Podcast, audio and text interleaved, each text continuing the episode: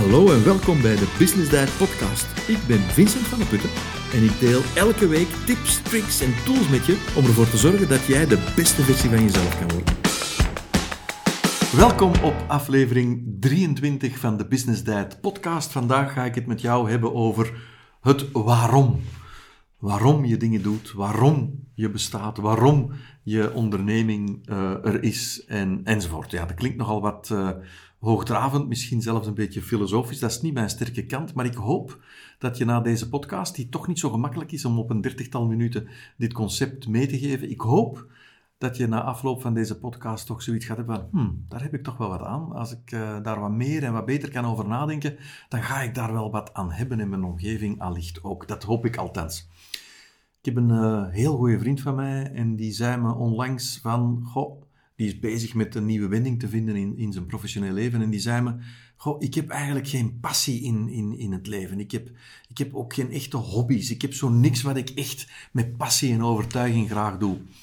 En uh, het is een, iemand die me heel uh, nauw aan het hart ligt, een heel dierbare vriend, uh, veel mee meegemaakt samen. En ik, ik vond dat eigenlijk echt heel, heel erg, heel triest om dat te horen. En, en vooral ook omdat, omdat ik geloof dat dat inderdaad zo is. En, en dat, is, dat is echt enorm spijtig. En dat liep trouwens samen met de dag waarop ik op een Instagram-pagina een post had gezet over Ikigai. Uh, het Japanse concept, um, waar ja, ik je uit om eens te gaan kijken op mijn, uh, mijn Instagram-account en dan kan je dat terugvinden. Ik ga het er vandaag toch even terug over hebben, als een, een aanloop naar, naar eigenlijk het fundamentele wat ik met jou vandaag zou willen delen. Um, ze zeggen wel eens, hè, als je dolgraag doet wat je doet, dan ga je voor de rest van je leven geen dag meer moeten werken. Ja, het, uh, het, dubbele zit er natuurlijk in. Heel graag doen wat je doet, dat voelt niet aan als uh, werken. En als je daarmee je kost kan verdienen, ja, dan kan je je kost verdienen zonder nog te moeten werken. En uh, Ikigai heeft daar eigenlijk ook mee te maken. Dus de bedoeling vandaag is dat je je meer geïnspireerd gaat voelen door, door beter na te denken. Wat is dat nu echt wat je echt graag doet, wat je met passie en overtuiging kan, doet, kan doen. Wat is jouw ikigai?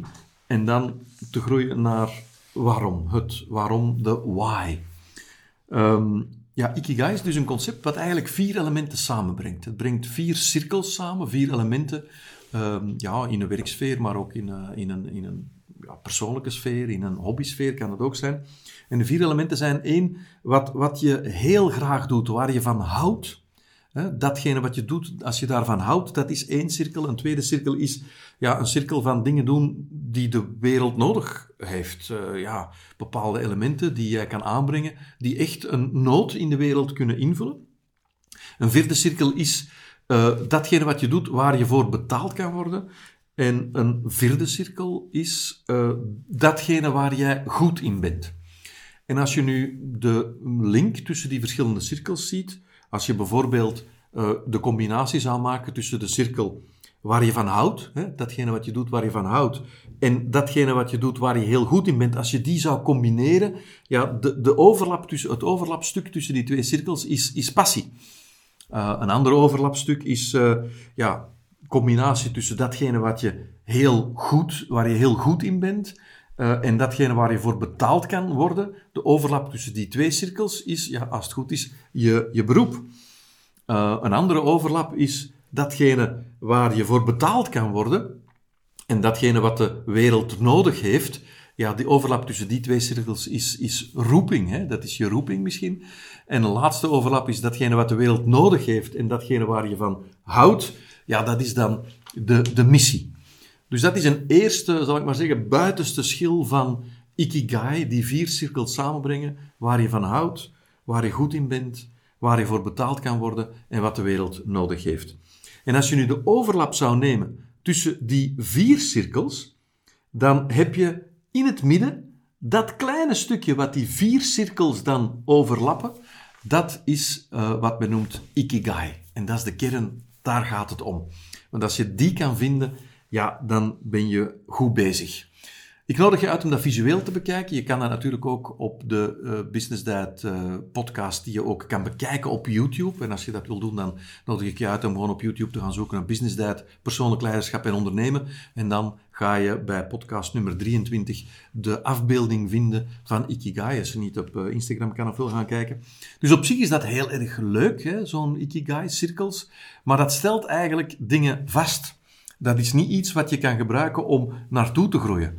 Want zoals ik je zei, mijn, mijn, mijn, beste vriend die zegt van ja, maar ik heb, ik heb niet echt een passie. Dus ja, de overlap tussen waar je van houdt en waar je goed in bent, die passie, die, uh, die heeft hij bij zichzelf nog niet ontdekt. Of ja, die heeft hij misschien verborgen nu, omdat hij in een moeilijke fase van zijn leven zit. Dat zou kunnen.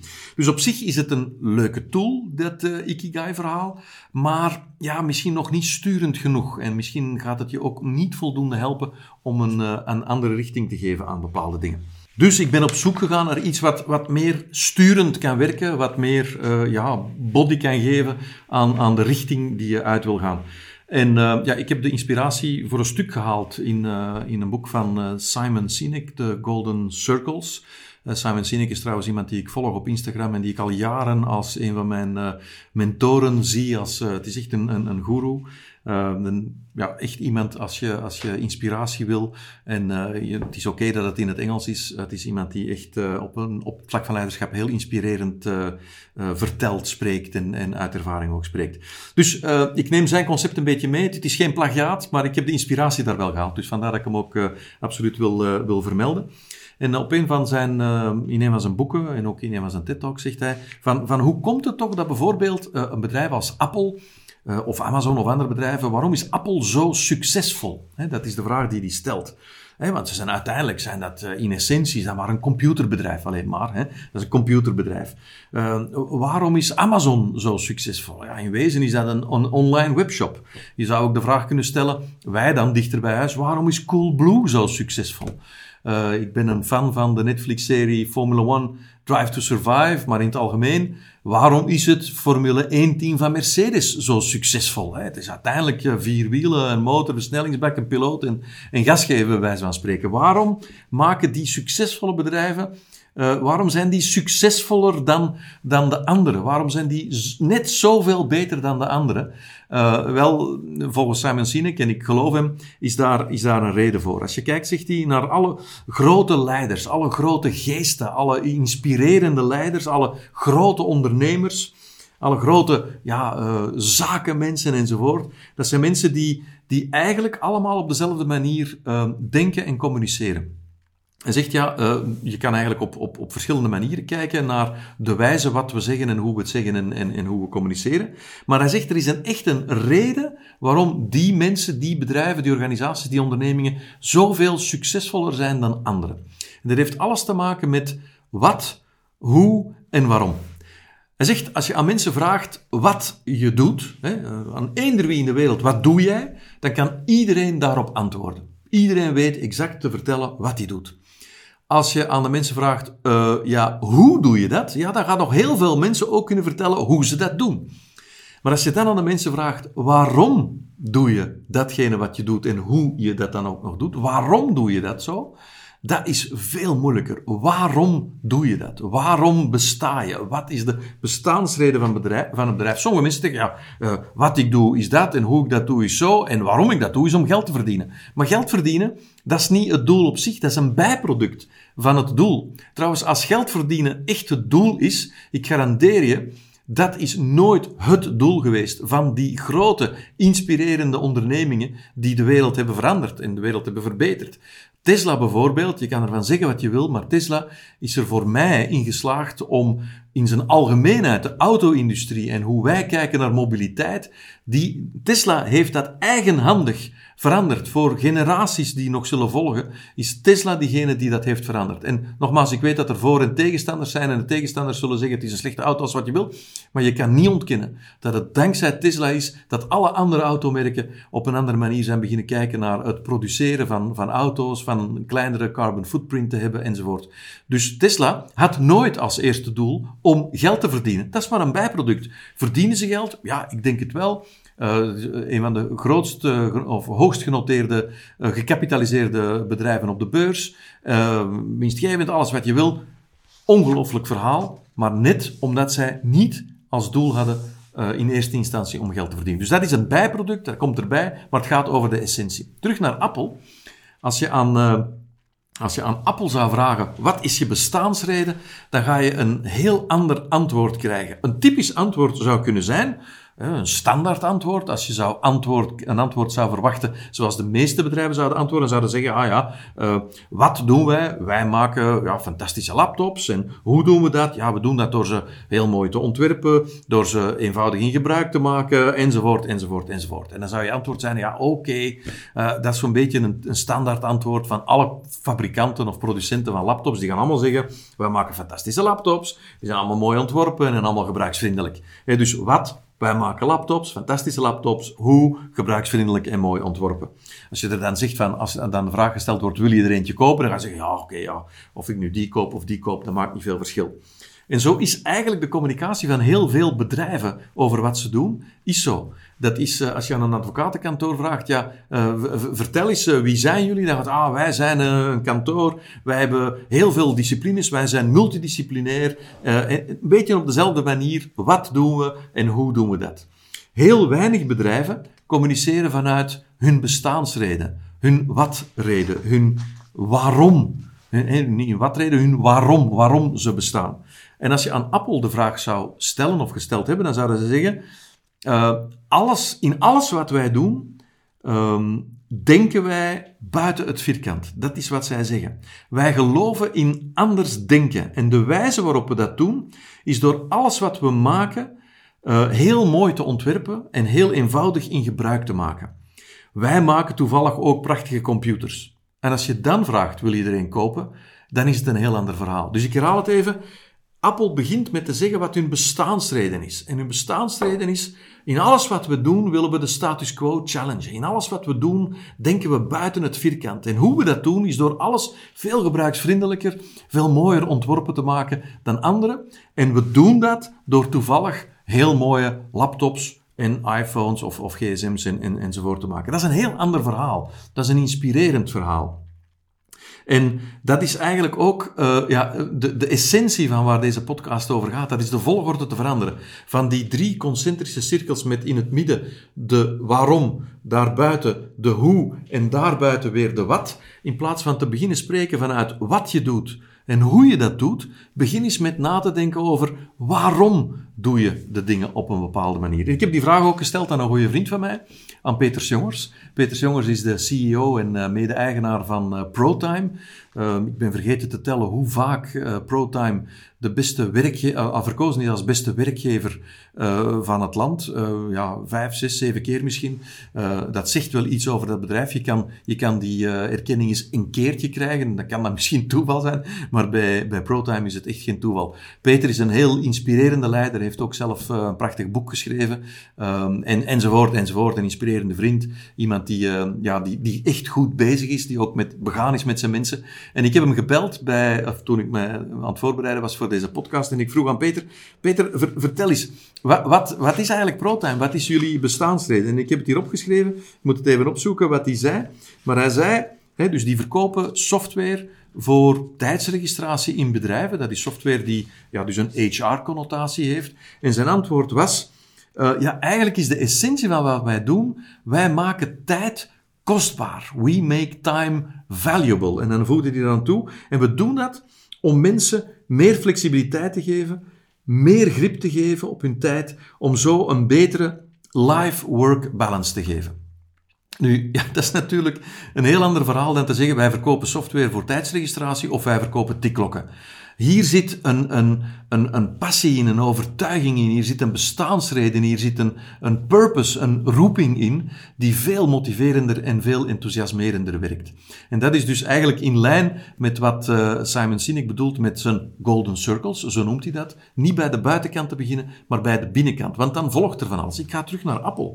Als Apple uh, zegt uh, waarom ze doen wat ze doen. En ze doen dat met een overtuiging en ze zeggen, in alles wat we doen, denken wij buiten het vierkant. We willen innoverend zijn en wij geloven in anders denken om de mensen het makkelijker te maken. En Apple is dan zoveel jaar geleden uitgekomen met een, een iWatch die de tijd aangeeft, hè, dat zou wel. Maar die daarnaast ook ervoor zorgt dat mensen gezonder kunnen leven, fitter kunnen leven, want er zitten van alle applicaties in die daarvoor zorgen. Ja, dan is dat, die iWatch is geen uurwerk meer, maar is veel meer. Als een andere computerproducent, hè, want dat is in essentie, was dat toch wel uh, Apple in essentie. Als een andere computerproducent een, een device, een voorwerp op de markt zou gaan brengen, wat uh, ja, eigenlijk een, een uurwerk is en wat ervoor moet dienen om, om fitter en gezonder door het leven te gaan, zou je dat dan kopen? Niet als dat een bedrijf is dat zegt, wij maken goede computers, wij maken fantastisch ontworpen computers, enzovoort. Dus het gaat hem in eerste instantie over wie ben je? Wij hebben die oefening in ons bedrijf bij SwiftKills trouwens ook gedaan.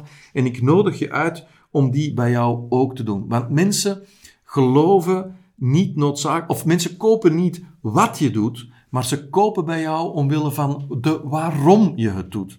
Dus ik nodig je uit. Denk er nog eens over na.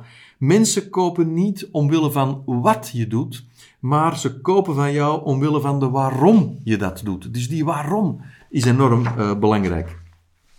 Dus als je nu zelf niet weet waarom je iets doet, uh, ja, wat doet je dan geloven als je het zelf niet weet dat anderen, um, dat, die dat, dat het voor anderen wel zal werken? Dus als jij zelf niet weet waarom je doet wat je doet, wat doet je dan geloven dat anderen het zullen weten? Dus het is cruciaal dat je die oefening even doet en dat je eens even stilstaat bij waarom doen we de dingen die we doen.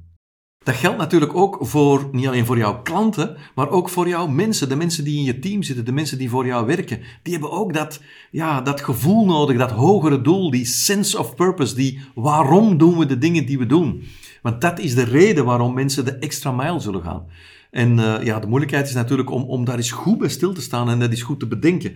Ik weet dat wij bij Swift Skills, het bedrijf, uh, mijn, mijn, dagelijkse activiteit zal ik maar zeggen, als je aan de mensen zou gevraagd hebben, wat doen jullie? Ja, dat was gemakkelijk. Hè? Wat, wat doet Swift Skills? Ja, Swift Skills maakt rich media e-learnings voor de voedingsindustrie en voor de economische beroepen. om op die manier de mensen ervoor te laten zorgen dat zij hun permanente vorming, verplichte vorming, via e-learning kunnen volgen. Dat is wat wij doen. Maar als je nadenkt over waarom we dat doen, dat is eigenlijk omdat wij overtuigd zijn. In ons diepste binnenste geloven wij dat leren leuk kan zijn, dat leren leuk moet zijn en dat mensen leren leren en daar terug zin in doen krijgen, dat dat ervoor zorgt dat mensen beter presteren, dat de wereld gewoon een betere, mooiere plek wordt. Dat dat eigenlijk gewoon, ja, zoveel dingen kan tewerkstelligen. En dat is eigenlijk waarom wij doen wat we doen. Dat is ook waarom we de dingen doen op de manier waarop we ze doen. Waarom wij rich media gebruiken. Waarom we met top-experten werken. Waarom wij een klein vleugje humor in onze producten gooien. Want dat is de bestaansreden. En dat leidt tot hoe we de dingen doen. En uiteindelijk tot wat we doen.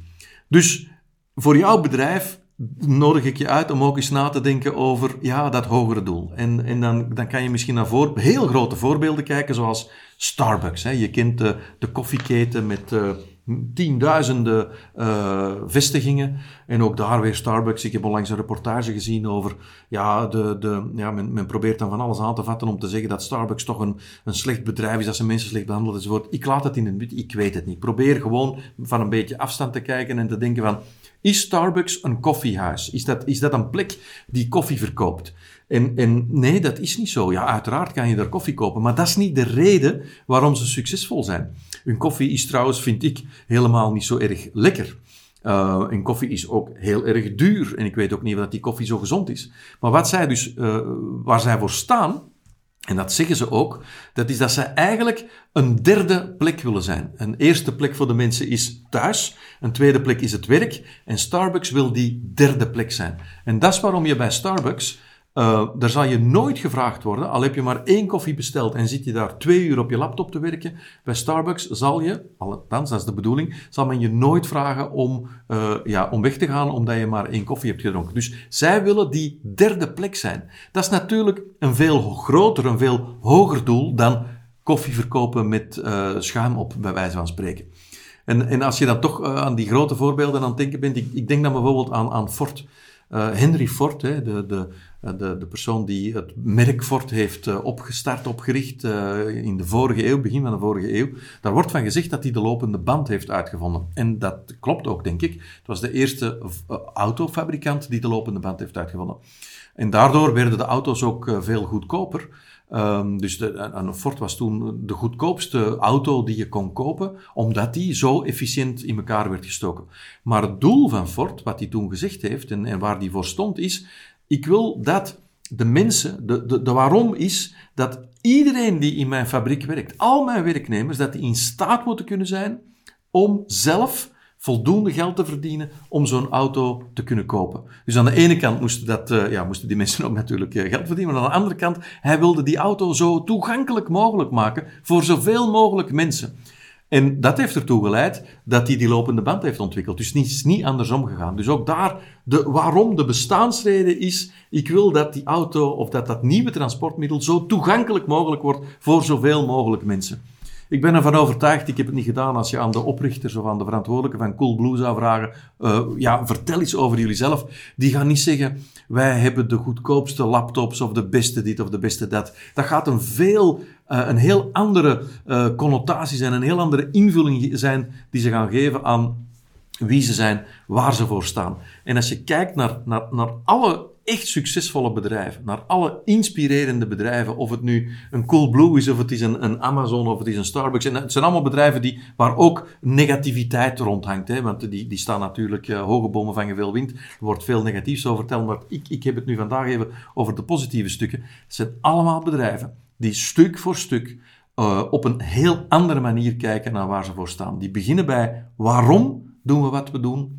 Hoe doen we dat en wat doen we dan uiteindelijk? En dat is de reden dat als morgen Apple, die heeft uitgelegd waarom ze doen wat ze doen, en die met uh, laptops is gekomen, met computers is gekomen, met, met, met gsm's, met iPhones, smartphones, met iWatches, met iTV enzovoort gekomen. Als morgen Apple met een wagen komt, dan gaan er een heleboel mensen kijken naar die wagen. Het is geen BMW, het is geen Mercedes, Apple. Hoe zou je erop op kunnen, op kunnen komen dat die met een auto komen? Wel, omwille van die waarom waar ze voor staan.